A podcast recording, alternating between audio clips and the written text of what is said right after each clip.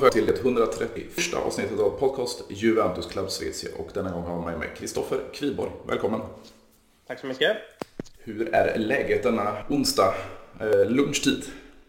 Jo, men det är förhållandevis mycket. Jag är eh, hemma i Stockholms skärgård där jag för tillfället bor och det är ju mitt i eh, den första omgången av Champions League som jag jobbade med eh, igår tisdag och har även ytterligare en match in i SL-bubblan helt enkelt. Ja, det är ju första gången jag var igår också spela mot PSG. Men jag tänkte börja med, har du någon relation till Juventus överhuvudtaget?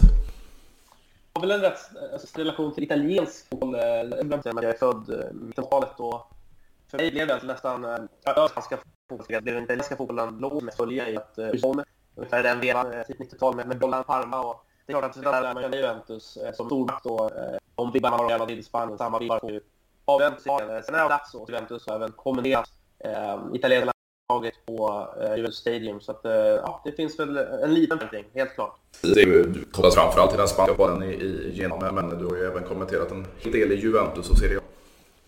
Ja, eh, jag ser ju att det är en mix. Sen har jag ju en kollega förstås som mm. gör ett fantastiskt jobb med, med den italienska fotbollen. Eh, men så effekter om jag kanske inte delar det 50-50, men 80-20, 85-25 så att man hela tiden hänger med eh, i, även om den italienska fotbollen. Det gör man ju bäst såklart när man förbereder sig inför att kommentera en match. Och nu har det faktiskt blivit en hel del Serie A. Så att det är en liga som jag liksom alltid har följt också med extra stort intresse. Det är definitivt en liga som jag har följt mer än Premier League. Eh, och har varit liksom helt klart min andra liga bakom, eh, bakom den spanska ligan. Eh, och eh, I fjol så tycker jag rent av att Serie A var bättre och mer intressant, får jag faktiskt vilja erkänna, mm. än La Liga exempelvis. Ja, och du har ju faktiskt kommenterat just Juventus då, det senaste, det var ju i förra veckan och sen Fiorentina i helgen och sen har du då Salernitana avslöjade här kommande helg. Mm, ja, det blev tre raka ligamatcher här. Eh, det är inte helt vanligt att det blir så. Och ja, visst, det stämmer ju som du säger. Jag har gjort de senaste två matcher. Inte mötet mot PSG av logiska skäl, mm. så att jag är upptagen och eh, eh, kommenterade en annan match i Champions League. Men eh, det Juventus jag har sett mot Spezia och mot Fiorentina, det lämnade väl en del att önska. Nu kommer ju en ny sån här match på pappret som eh, Juventus naturligtvis ska vinna. Det gjorde man ju också mot Spezia, men eh, ja, du såg väl själv den insatsen. Mm. Det var ju nästan så att folk bad om ursäkt för att jag ens var tvungen att kommentera pisset, höll jag på att säga. Men det är klart att det är Juventus som man inte riktigt känner igen. Sen är mitt intryck, och sen kan ju du naturligtvis rätta mig här, du som har dunderkoll på Juventus, men mitt intryck av Juventus är att det har ju sällan liksom varit ett, ett underhållande lag, utan det har ju mera varit en vinstmaskin och eh, att man ibland då som support säkert kanske accepterar att det blir 1 eller 2-0 hemma mot de lite sämre lagen.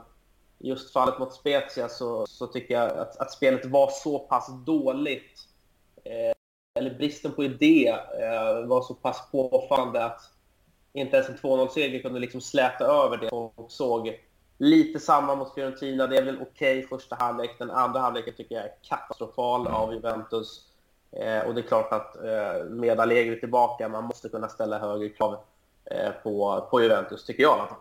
Jo, men det är ju inte som du säger, det har ju aldrig varit en, en underhållande klubb så att säga och framförallt inte under eh, Max Allegri. Och, och jämför man då med de fem tidigare åren, första sessionen, så, så man ser ju inte mycket av Allegris spel överhuvudtaget. För vi saknar en spelidé, eh, vi saknar, ska man kalla det, jag har ju hela tiden tyckt att han var mästare på det här att formera efter motstånd och eh, med ett eller två biten under match eh, formera om laget och, och kunna spela ut motståndarna.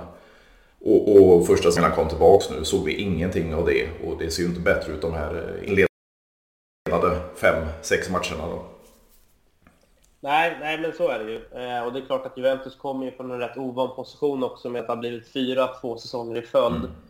Eh, det är klart att det stressar ju Juventus som eh, ja, alla vet har ju sin historik med de här mängderna av scudetto som bara har radats upp här under det senare 2000-talet. Men det känns ju lite som att Juventus söker lite efter sin gamla identitet. Mm. Frågan är om Allegri är rätt man eh, för att göra det. Jag är lite tveksam. Jag tycker också att truppbygget senaste åren...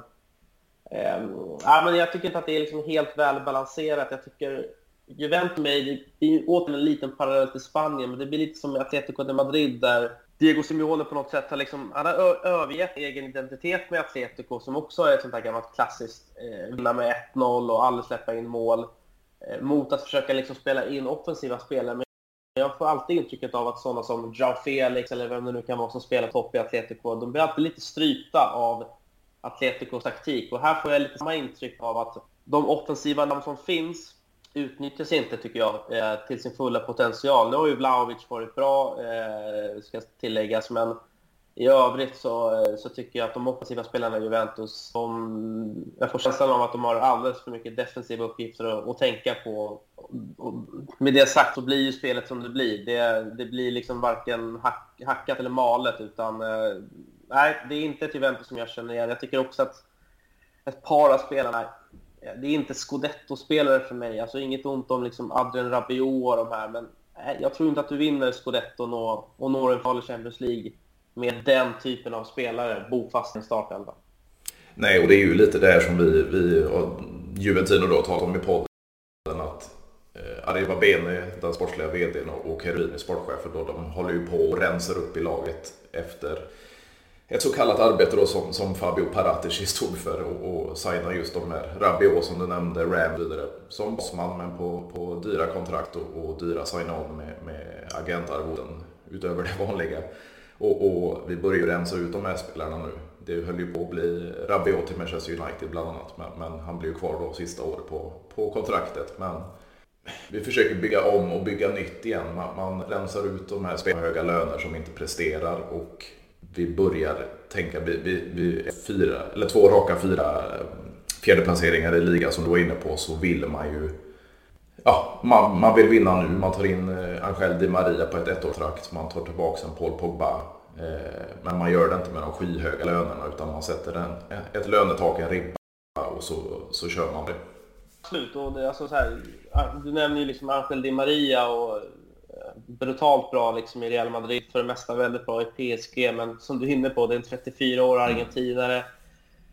Jag får lite liksom mättnadskänsla. Paul Pogba, det var rätt många år sedan han gjorde någon glad. Jag skulle vilja påstå att vi får gå tillbaka till säsongen 18-19 eh, för att hitta liksom vettiga siffror på Paul Pogba. Det blir lite samma som med Allegri, att så här, det var bra eh, mellan 2012 och 2016 att Pogba var Juventus första vändan, men Nej, jag tror inte att det kommer lyfta en, gång till. Det är för mycket skador, det är för mycket personligt tjafs utanför. Eh, alltså de två liksom så mest vettiga spelarna det har ju, var ju Delict och Dybala tycker jag, och de är ju båda borta. Alltså jag får mm. inte ihop det heller riktigt med att det ska liksom rensas ut. Och så säljer man liksom Matthijs Delict, eh, som är 22 år, är redan en, en mycket, mycket bra försvarsspelare och har alla förutsättningar, tycker jag personligen, att bli en, en världsback han skickar man iväg. Så att, nej, jag blir, jag blir liksom inte heller riktigt klok på den här upprensningen. Sen är det ju alldeles för många spelare som Bernardeschi, Douglas Costa, Ramsey. Vad, här, vad har de gjort i Juventus? Bernardeschi, hur många, har han ens gjort 10 poäng på fem säsonger? Alltså det, är här, det är för många av den typen av spelare just nu i Juventus. Det är där jag tror Juve måste pricka rätt. Värvningen av Vlahovic är ju superkorrekt, men man måste spela en fotboll där man får in Blahovic mycket mer i spelet. Han kan inte bara bomba in frisparkar utan han måste få flera öppna lägen och just nu så ser jag inte att Juventus har det spelet. Så att börja kanske med antingen om Allegri kan förändra sig eller om någon annan kan göra det, att bygga spel, bygg laget kring de lite yngre stjärnorna. Där är ju i synnerhet eh, Vlahovic den största stjärnan. Sen har han ju också såklart haft lite oflyt med tanke på att eh, Kesa har gått sönder. Mm. Så att det finns ändå lite yngre eh, spelare att bygga laget kring. Det måste vara slut med sådana här paredeslån Paredes-lån och Pogba tillbaka. Och, annars tror jag att Juventus riskerar att gå eh, kräftgång faktiskt i ytterligare några säsonger. Vi har sett många stora klubbar göra det. Real Madrid hade väl 4-5 år eh, på 2000-talet utan titlar. Barcelona hade det detsamma när de sålde Figo till Real Madrid. gick 4-5 år utan titlar. Eh, och nu är Inter starkare. Milan dessutom starkare. Eh, jag tycker både Lazio och Roma ser också lite starkare ut och så finns ju Napoli där också. Så att det är inte liksom givet heller att, att Juventus ens ska bli topp fyra. De, I min bok riskerar definitivt att kanske bli femma den här säsongen och missa Champions League. Och då, då blir renoveringen svårare. Ja, definitivt. Och det, det, är ju lite det här som man varit inne på med, med, att ta upp de yngre talangerna. Vi har ju fått se en, en Fabio Meretti nu som startade igång mot PSG dessutom och, och har gjort det riktigt, riktigt bra. Sen har vi kvar Nicolo Fagioli då i truppen. Eh, lånade ut Nicolo Rovella och eh, Filippo Ranocchia till, till Monza båda två. Eh, så vi sitter ju på, framförallt på ett mittfält då med, med väldigt unga och väldigt talangfulla spelare. Men, men det är ju inte bara den positionen i laget som, som, som, vi behöver ersätta.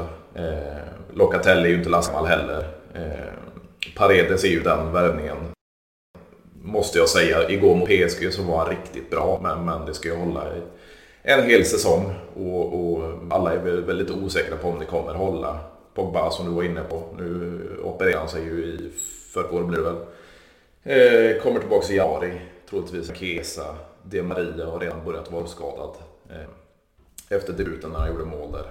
Eh, så, det, så det är många pusselbitar. Rent kreativt och rent offensivt som man måste fylla och eh, få in. Och sen som du var inne på, man skickar en delikt. Eh, man har visserligen tagit in Bremer men man har en, en ganska ålderstigen Bonucci. Vi har säkrat en Gatti då från förra säsongen som har gjort landslagsdebut. Men bakom där, där sitter vi med en Rogani till exempel. Och, och ytterbackarna ska vi inte gå in på. Nej, men precis. Det, just med Paredes, eh, det är, som alla vet om, en väldigt bra spelare. Han var ju väldigt viktig för balansen i PSG, men mm. Känslan är att han har kommit in just för att Pogba har beslutat sig för att operera. Um, och sen återigen, du nämner Bremer. Ja, jag tyckte han var bra i Torino, 25-årig brasse, men liksom, det är 41 miljoner euro på den gubben. Mm. 20 plus eller 25 plus mot att man skeppar iväg Delikt. Jag tycker inte att det är en bra affär. Nej, och det blir ju lite så här som jag, som jag var inne på. Alltså Bonucci, han har ju inte gjort sina bästa säsonger nu det senaste. Han är ålderstigen. Och, och bakom så har vi en ganska otestad Gatti och en värdelös Rugani. Så, så, så mittlåset från gått från eh, Chiellini, Basagli, Bonucci till det här. Det, ja, det skrämmer inte många. Nej, det är lite förändring kan man väl säga minst sagt. Och, och, som jag var inne på, de här ytterbackarna. Ja, Alexander har gjort sitt för, för tre, fyra säsonger sedan. Eh, och på andra sidan så har vi en, en Quadrado då, som har fått agera lite mer ytterback även fast han är defensivare och, och, han känns ju som den här säsongsinledningen som Colombia har stått för så, så är det inget att hurra över för framtiden heller. Nej, precis. Det, det känns som att det är för mycket spelare i exakt det facken du beskriver för att det ska kunna bli eh, att utmana om titlarna. Ja, och då blir det ju väldigt problematiskt med, med, med två raka fjärdeplaceringar. Och som du är inne på, det är ju inte en säkerhet att man, man blir där topp fyra och får en, en Champions League-plats nästa säsong. Och, och, med tanke på de fyra säsongerna i Champions League med, med uttåg i, i kvarts med åttondelsfinaler så, så bådar det ju inte jättegott för framtiden. Ja, jag håller med. Men vad, vad, tänkte du då om du, vi har tillbaka till förra säsongen också med, med Allegri in, vad, vad, vad var din omedelbara reaktion på detta tränarval? Att, att det kändes liksom lite mossigt, måste jag ändå säga. Först och främst blev jag ändå över att Allegri inte hoppade på något annat jobb. Eh, han hade väl ändå ja, men nästan två år blev det väl eh, utan jobb för Allegri och min känsla var att Real Madrid kanske frågade både en och två gånger och då blev jag väldigt paff över att han inte hoppade på ett sånt jobb. Det var även snack om Chelsea. Eh, så att komma tillbaka till Juventus med tanke på det, det Juventus han lämnade, det kändes som att han, bara, han kan bara bli förlorare på att komma tillbaka i det här läget. Eh, om nu liksom inte uppdraget är väldigt utsatt, det vill säga att laget ska föryngras, vi vill att du ska leda den föryngringen. Men jag ser ju inte riktigt att det är den satsningen som Juventus än så länge har gjort. Så att, eh, jag hade, om jag hade varit Juventus-supporter, varit viken på Allegris comeback. Eh, jag tycker att han har fastnat lite i gamla hjulspår får intrycket av att han kanske med all rätt testar det som har gett så många scudettos i följd, men att det inte riktigt flyger nu. Eh, och att det liksom inte anstår Juventus att, att bli fyra två, två säsonger i följd. Så att jag tror nog att eh, både Allegri och kanske sportsledning ska se sig själva lite i spegeln och ska Juventus göra en, en omstart så, så har vi ju redan nämnt namn här som finns. Eh, du nämnde ju mittfältaren här på Eh, på mitten i form av Miretti, perfekt gubbe, egen produkt, 19 bast. Jag tycker redan han är tillräckligt bra för att ta plats i det här Juventuslaget. Eh, och sen bygga vidare på, på övriga yngre spelare. Och då, då kanske det är bättre att man har en tränare som är mer inriktad på det. Och det är möjligt att en sån tränare skulle få ett större tålamod också med tanke på att Juventus inte har vunnit här nu de senaste två säsongerna utan att det är två raka fjärdeplatser. Och då, då ställer jag lite undrandes till om det verkligen är Allegri som ska leda in det här Juventus i den här generationsväxlingen. Vi fick ju höra här i de senaste timmarna också, det var ett visst Eh, Chelsea då som sparkade Thomas Tuchel. Tror du det skulle vara ett intressant namn? Ja, alltså spontant ja. Ehm, sen är det ju som vanligt lite mer kulturkrock och så vidare. Vi snackar att han inte pratar italienska och har i och för sig gjort ett gott arbete både i Tyskland och i England. Ehm, har ju vunnit en hel del med Chelsea som alla vet. Ehm, och det är klart, det är ett sånt stort namn ledigt. Frågan är hur intressant det är för en tränare av Tuchels kaliber att liksom hoppa in i ett Juventus-projekt nu. Ehm, jag tror nog att ett, ett sånt uppdrag lämpar sig bäst att ta eh, mellan säsongerna. Mm. Um, och sen tror jag ändå att Allegri har en rätt stark position inom Juventus med tanke på hans historik. Så att jag, jag lutar väl kanske mer snarare åt att Allegri själv ruttnar än att Juventus sparkar honom. Ja, och det är ju inte likt Juventus att sparka mitt under säsong heller. Men eh, ja, han ska ju på ett fyraårskontrakt. Kontrakt, Det har gått ett. Eh, jag tror inte heller han får sparken under säsong. Det är möjligtvis under säsongen, men, om vi bortser från Tuchel. Det har ju även eh, tisslats och tasslats en hel del om Zinedine Zidane som spelade för Juventus som känt. Vad tror du att han skulle kunna, kunna göra med Juventus? Ja, det måste ju vara drömnamnet naturligtvis. Eh, att få in en spelare som kan klubben, han kan strukturen, kulturen framför allt. frågan är om det sportsliga projektet är tillräckligt intressant med tanke på vad Zidane har gjort och vunnit i Revid. Eh, jag tror personligen att Zidane väntar på eh, telefonen eh, från Danska fotbollförbundet eh, om att ersätta Didier Deschamps. Så att eh, det är väl kanske mer en utopi, men det är klart om, om man bara hade kunnat välja och raka så hade ju Zidane varit ja, helt klart, måste jag ändå säga, första valet om jag hade varit Juventusledningen. Det finns säkert en kontakt, eh, men samma där. Ska, ska han in nu? Eh, eller vill han vänta? Jag får lite intrycket av att han, han är liksom inte riktigt klar med, med sin semester heller. Utan, eh, att lämna Real Madrid på det sättet och med, med, med, med de titlarna, det, det, är klart att hans, hans legacy är också på sig rejält om man, om man tar Juventus och, och det fortsätter att gå kräftgång här säsongen ut. Så att, eh, namn ja, realistiskt nja. Vad tror du då om, nämnde Deschamps, han har ju faktiskt både spelat och varit tränare för Juventus. Han tog ju tillbaka dem eh, till Serie A från Serie B efter Calciopoli. Tror du det skulle vara Zidane in i franska landslaget och Deschamps tillbaka till Juventus? Ja, men där har du faktiskt en rätt, rätt, intressant teori. Även om det liksom också kanske skulle falla lite på just att, att han blir en återvändare. Å andra sidan så har det ju runnit en hel del vatten eh, under broarna sedan han tog upp eh, Juve från, från Serie B. Eh, men eh, det är ju helt klart ett Juventus-kompatibelt namn. Juventus känns i alla fall när det kommer till, till tränarfrågan att, att det är lite mer familjärt, att man gärna tar namn mm. som man känner igen och man har en historik med.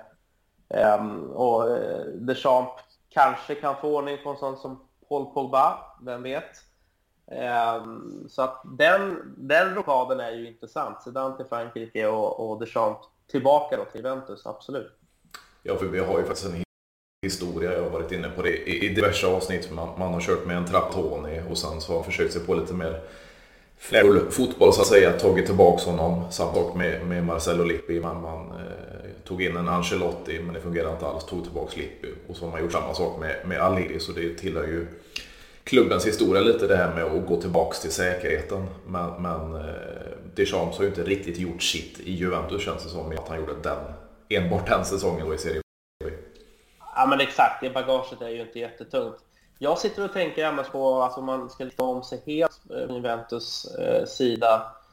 Alltså en sån som Roberto De Serbi eh, är ju sån där, en mm. tränare som jag gillar. Som, ja, men vi såg ju alla vad han gjorde med eh, Sassuolo mm. exempelvis. Eh, nu, jag vet inte, jag tror han precis har dragit här från Shakhtar mm. Donetsk, mm. om han till och med är utan kontrakt. Men det är ju liksom en ung, lovande italiensk fotbollstränare som står för det här äh, hyperoffensiva som jag tror på något sätt ändå hade kunnat liksom skapa liv i det här gamla segspelade Juventus. Så man behöver inte hela tiden heller bara blicka tillbaka på gamla framgångsrika namn, utan Juventus kanske skulle må gott av att, att ge en, en sån som har den profilen åtminstone som Serbi, att eh, hellre, hellre 4-3 än 1-0.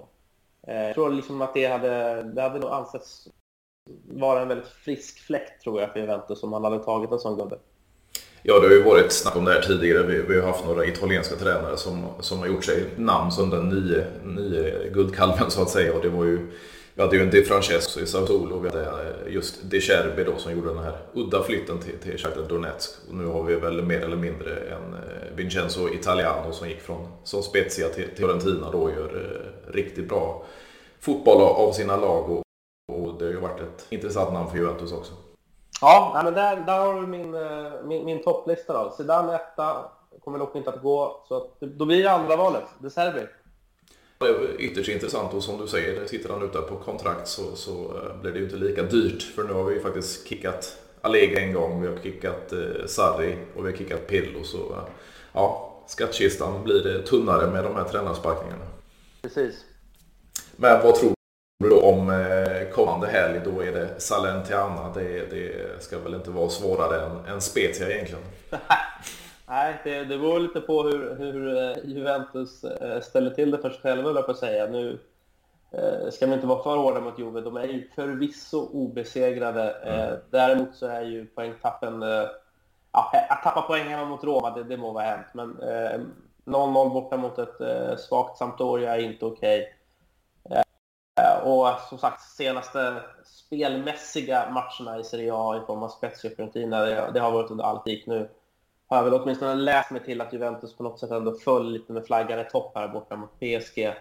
Men det är klart att spelmässigt så, så måste det ju till en, en betydligt bättre insats. Sen naturligtvis, det är Salernitana vi snackar om, det, det kanske räcker med att gå på halvfart. Men det handlar ju också om att skicka en signal om, om uppdragen som kommer här efter. Juventus Eh, har en eh, Champions League-grupp att tänka på. Det, det kommer tuffare motstånd. Det är Milan snart här i oktober på bortaplan. Det är klart, då vill man inte eh, gå in med, förvisso kanske då segrare i Serie A. Det är, väl, det är ju Monza då exempelvis efter.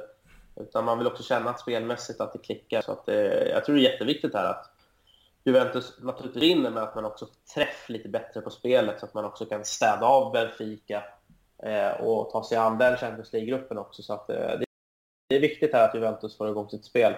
Eh, huruvida de kommer få det eller inte, det, det får vi se. Jag, jag har inte jättestora förhoppningar efter att ha gjort de två tidigare matcherna.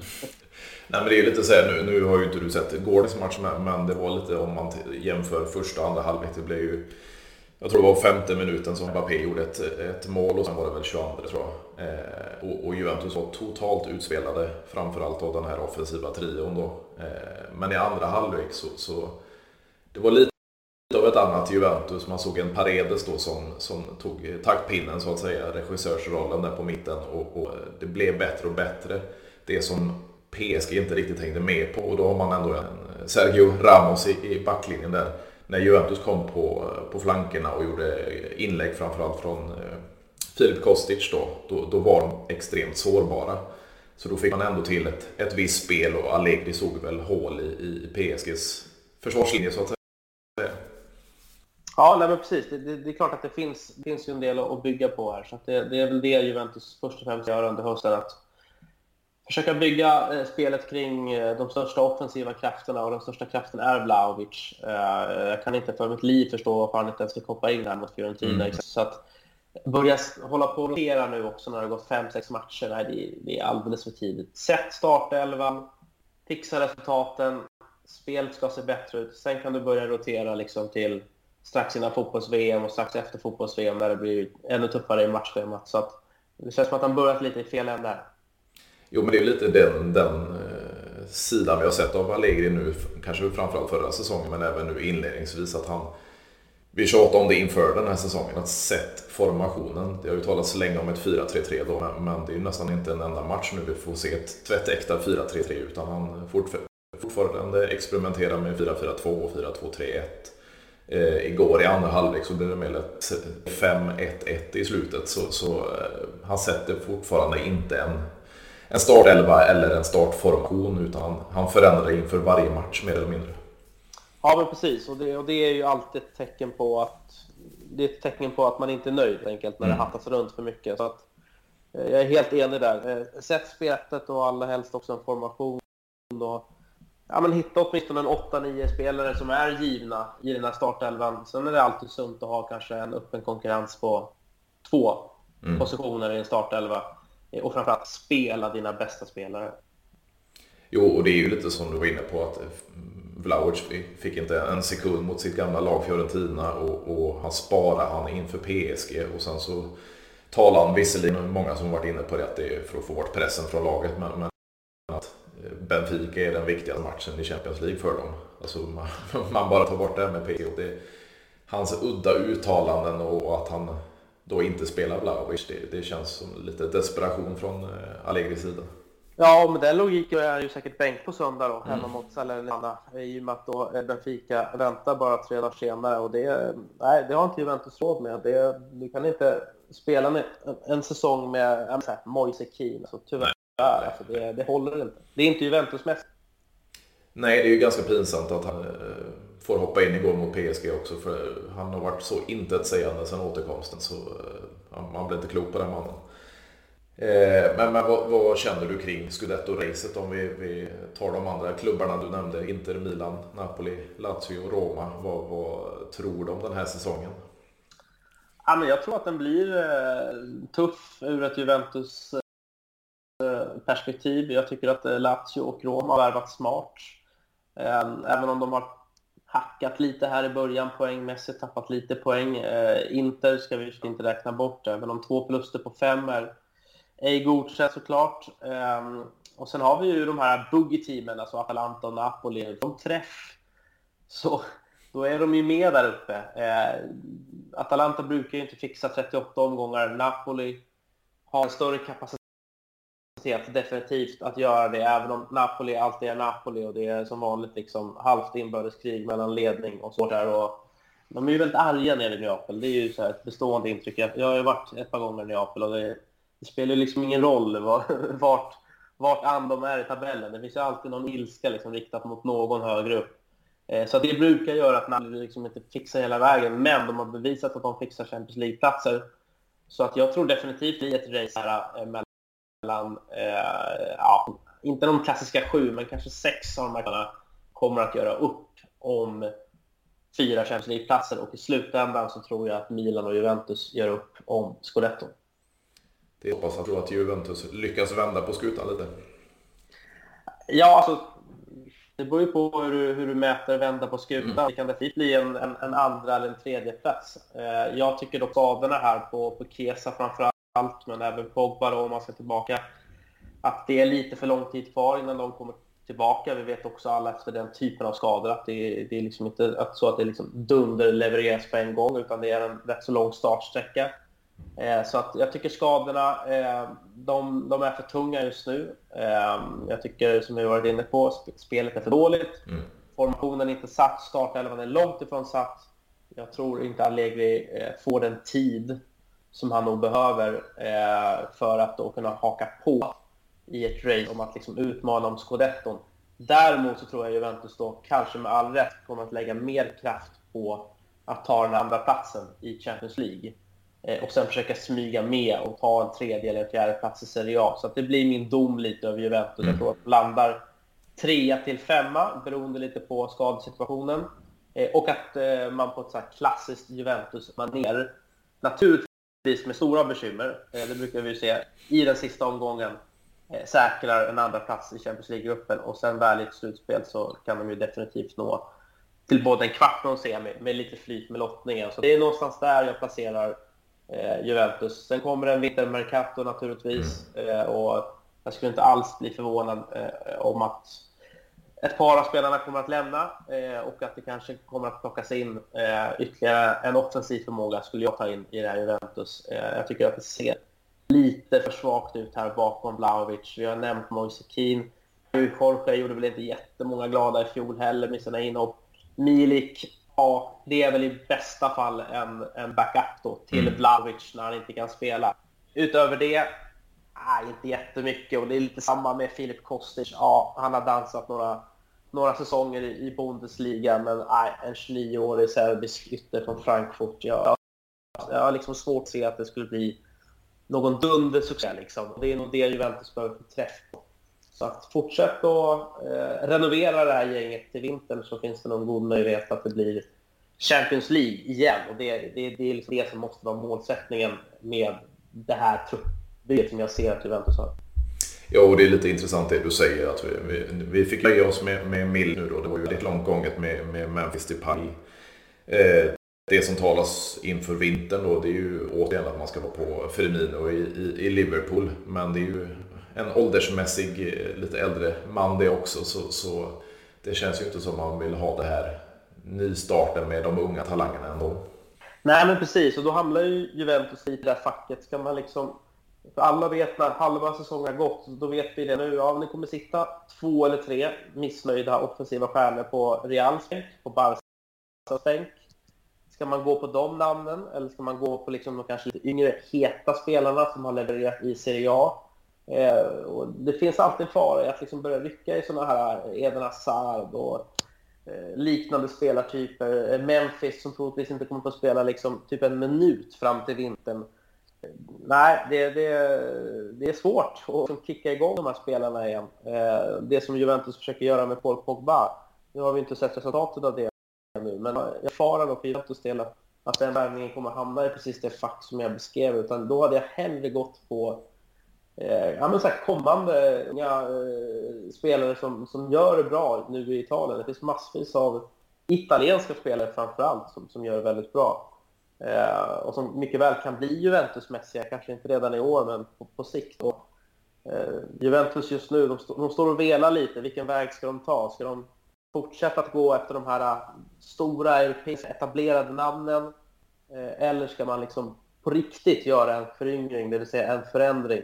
Jag tycker Juventus ska göra det sistnämnda. Eh, och jag tror fortfarande med en sån förändring att de har kapacitet att år efter år till Champions League eh, via Serie A-placeringar och sen kanske om två eller tre säsonger blir den, den stor faktor som Juventus alltid har varit i fotboll.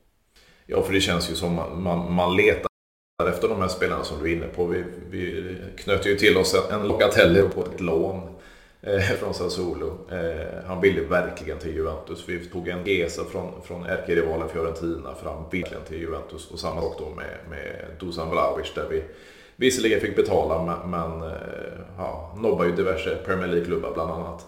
Det känns ju som att vi ska finna de här spelarna som, som brinner för att spela för just Juventus och, och stanna eller komma till Serie A. Ja, men det, är, det är där någonstans jag tycker Juventus ska, ska rikta sitt fokus, helt klart. Och vad känner du kring, nu ska vi inte gå in för djupt på det, kring ägarskapet i, i, i Juventus. Vi har ju fått se det här debaclet då med, med Desubel bland annat då, eh, Andrea Agnelli och det var ju även Real och Barcelona-presidenterna involverade djupt. Men vad, vad tror du det tar vägen? För vi får ju se ett, ett Champions League då, som kommer förändras några år framöver och, och eh, The Super League finns ju fortfarande kvar där även fast det är mycket, mycket rättsliga eh, frågor än så länge. Ja, nej, men det, det ligger väl liksom lite i linje över hur fotbollen dessvärre ska väl tilläggas har förändrats eh, sen du och jag började följa mm våra ligor. Eh, jag tror att den största anledningen till att vi ser, eller vi ser kommande förändringar på Champions League-formatet vi har sett den här idén då om, om superligan som definitivt Real Madrid och Juventus har varit grundfigurer för. Eh, det grundar sig i att Premier League eh, håller på att bli så pass... Den håller bli en sådan pass stor maktfaktor med sina tv-pengar bland annat. Att eh, ligor som den spanska och den italienska eh, riskerar att bli inte, jag ska inte säga farmarligor, för det finns fortfarande någonting i, i de här ligorna som, som Premier League inte kan ta. Och det är ju den coola historiken mm. med, med storklubbarna, med rivaliteten, eh, med liksom läktarkulturen. Allt det där, där tycker jag liksom Spanien och, och Italien, i synnerhet Italien, eh, vinner med hästlängder. Men det handlar om pengar och, eh, och Superligan är ett påtryckningsmedel för att inte göra Premier League för makt. Det är ett påtryckningsmedel också mot Uefa att ge klubbarna, toppklubbarna då, Italien och Spanien, en större del av kakan Eh, och då kan man använda Superligan som ett hot. Eh, och det fattar ju vem som helst att om klubbar Juventus, Real, Barca skulle dra och bilda en egen liga så, så är ju eh, varumärket Champions League totalt urvattnat. Mm. jag, jag, tror mer att det här är liksom sluga förhandlingar och att det finns hela tiden i bakhuvudet att försöka jämna ut oddsen igen. Eh, det är ju bara att kolla på vad som har hänt under sommaren med, med vad de engelska klubbarna har köpt. Eh, Chelsea har spenderat 3 miljarder, Nottingham har värvat 100 fotbollsspelare och de är nykomlingar. Alltså, det sker övergångar inom liglagen som är, ja, men de är på en helt annan nivå. Eh, och vi ser också de senaste åren eh, många duktiga spelare som har spelat i bra klubbar i, i Spanien och Italien som tar bud från engelska lag. Att vi pratar en tredubbling, en fyrdubbling. Alltså Casemiro till United. Alltså lägg av. Mm. Vad gör han i Manchester United? Jag, jag, får liksom inte ihop det. Jo, jag ser att hans plånbok är större. Men han ska inte spela i Manchester United. Han spelar även av en anledning. Eh, så det, det, är ju det som, som, som jag ser som, som faran här. Att, att eh, det blir ett för stort gap helt enkelt. Att Premier Leagues eh, ekonomiska buk äter upp oss alla andra. Och vad tycker du om det nu? Eller exakt likadant i, i Spanien, men i Italien så har vi länge haft Ja, det har varit Berlusconi i Milan, det har varit Moratti i Inter och vi har ju har haft Juventus i Agnellis ägo. Vad, vad, tycker du om utvecklingen nu? Det, det är kinesiska, det är eh, amerikanare och så vidare som går in och köper upp eh, de, de här klubbarna som har varit i italiensk ägo i många, många år. Äh, alltså, enligt princip så är jag ju naturligtvis mot. Ja, ja, det, fin- det är klart att det finns amerikanare och det finns kineser som kanske har en förankring i Italien, alltså via antingen familjeband eller till och med blodsband och affärsmässigt. Eh, men lite av den anledningen, eller av samma anledning som jag tycker att landslag ska inte, de ska inte få ha en förbundskapten som inte är från samma land. Mm. Och någonstans där landar jag liksom lite samma i att en italiensk fotbollsklubb ska, ska bandy med ägas av en italienare. Eh, och det är det vi ser nu, att de här lagen de går ju allt mer från att vara fotbollsklubb till att bli renodlade företag. I Premier League är det ju hädiskt. Alltså det är det är ju massa eh, liksom, jänkare som äger liksom, baseballklubbar och eh, en och ena med det andra som kliver in och köper eh, klubbar i en, ja, men, en sport som liksom inte ens är förankrad i deras kultur. De vet ju knappt vad socker är, de flesta av dem. Så att nej, så enligt, ja, enligt min princip så är jag ju mot. Å andra sidan så har vi fri och öppen rörlighet och det finns regler att förhålla till sig till och i stort sett vem som helst kan köpa vad som helst. Så att, eh, det är möjligt att, att det kanske inte går att förändra, men jag tycker att det är tråkigt och jag tycker en stor del av charmen med att följa eh, i synnerhet Serie A, det är just alla de här gamla härliga italienska stofilerna som står och vevar. Och, och man blir alltid lika glad när man ser eh, ja, exempelvis Sampdoria och med, med deras gamla bingane ägare. Och Spanien hade sina dårar också på 90-talet framförallt med Jesus Schilly Schilly, de här som, som hade Atletico. Så att, eh, man är väl alltid, man är väl så lite, man är lite old school där som supporter. Man, man vill ju gärna komma tillbaka till, ja men typ mitten på 90-talet. Det var ju liksom peak Serie A.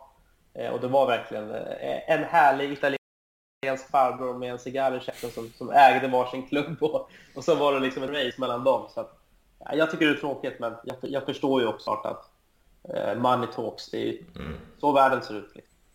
Och med tanke på just detta, vi har ju som sagt haft då, då familjen Angeli. Det är ju fjärde Angeli-presidenten och den tredje generationen av Angeli som, som styr gruppen. Men han har ju även ja, The Super League, eh, byte av eh, emblem, eh, tagit bort dem klassiska ränderna en säsong och så vidare. Vad, vad tycker du om den här majoriteten även i en, en sån här familjär klubb?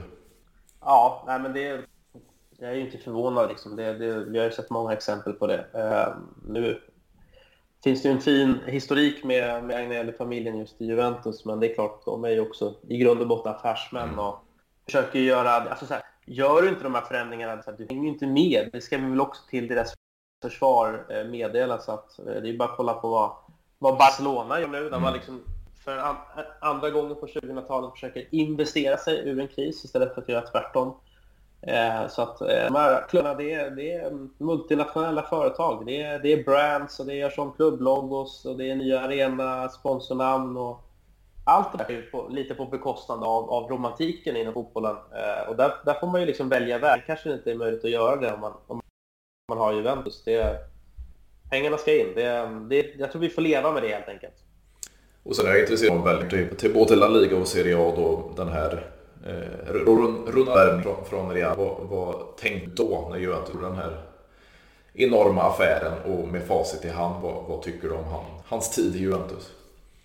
Nej, men jag tycker ändå, alltså sportsligt så måste jag ändå säga att, att han gjorde helt klart efter förväntningarna. Det är så pass mycket såg jag även Juventus utan att kommentera dem. Eh, att kunna säga att, att han verkligen på planen bidrog. Eh, sen, alltså, nu ska vi säga 81 mål på 98 Serie A. Mm. Och där var väl liksom eh, när Juventus verkligen var inne i, i slutskedet av, av sin långa eh, räcka av scudettos så, så tyckte jag ändå att den värvningen kändes rätt logisk faktiskt. Eh, hade nog varit bättre faktiskt att vara kvar i Juventus. Jag tänker på, på så, så kanske han hade gjort det rätt så att säga. Ja, det är möjligt. Vad, vad tycker du om en annan som har kopplingar mellan i Armora? Ja, men är en sån där spelare som inte jag blir klok på. Nu, eh, han är ju sån där som man liksom, man fattar inte riktigt vad, vad är det karln är bra på egentligen. Eh, så här, har han spelat, är, om man ser på hans karriär, om man ser liksom klubbarna han har representerat, det är ju inget dåligt track record. Det är liksom Real, Juventus, Chelsea, Atletico, Juventus och Atletico igen. Eh, nu har han faktiskt varit jävligt bra, eh, måste jag säga, inledningen av den här säsongen tre mål på fyra matcher. Men inte en spelare tycker passar in i det sett till Juventus bör spela. Så tycker jag att eh, hans siffror är för dåliga. Alltså mm. det, statistiken har aldrig varit någon sån här liksom 25 plus målspruta.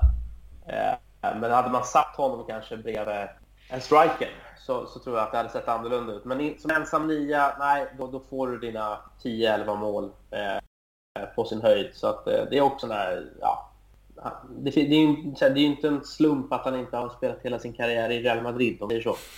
Nej, och det var ju lite den där, eh, han, eh, Allegri försökte ju få eh, Mandzukic-roll där ute på kanten men det, det, var väl bra i två, tre matcher och sen så såg man gamla vanliga Morata igen. Ja, framförallt så är det ju en målsumma mm. Alltså, på den här nivån så är det ju sällan man ser... Eh, han måste ju ha ett enormt XG. och, men nu till hösten måste jag ändå säga att han verkar ha lärt sig offside-regeln. Mm. Det kunde han inte de senaste åren kanske. Det var väl tre mål i svenska protokollet så börjar växa upp.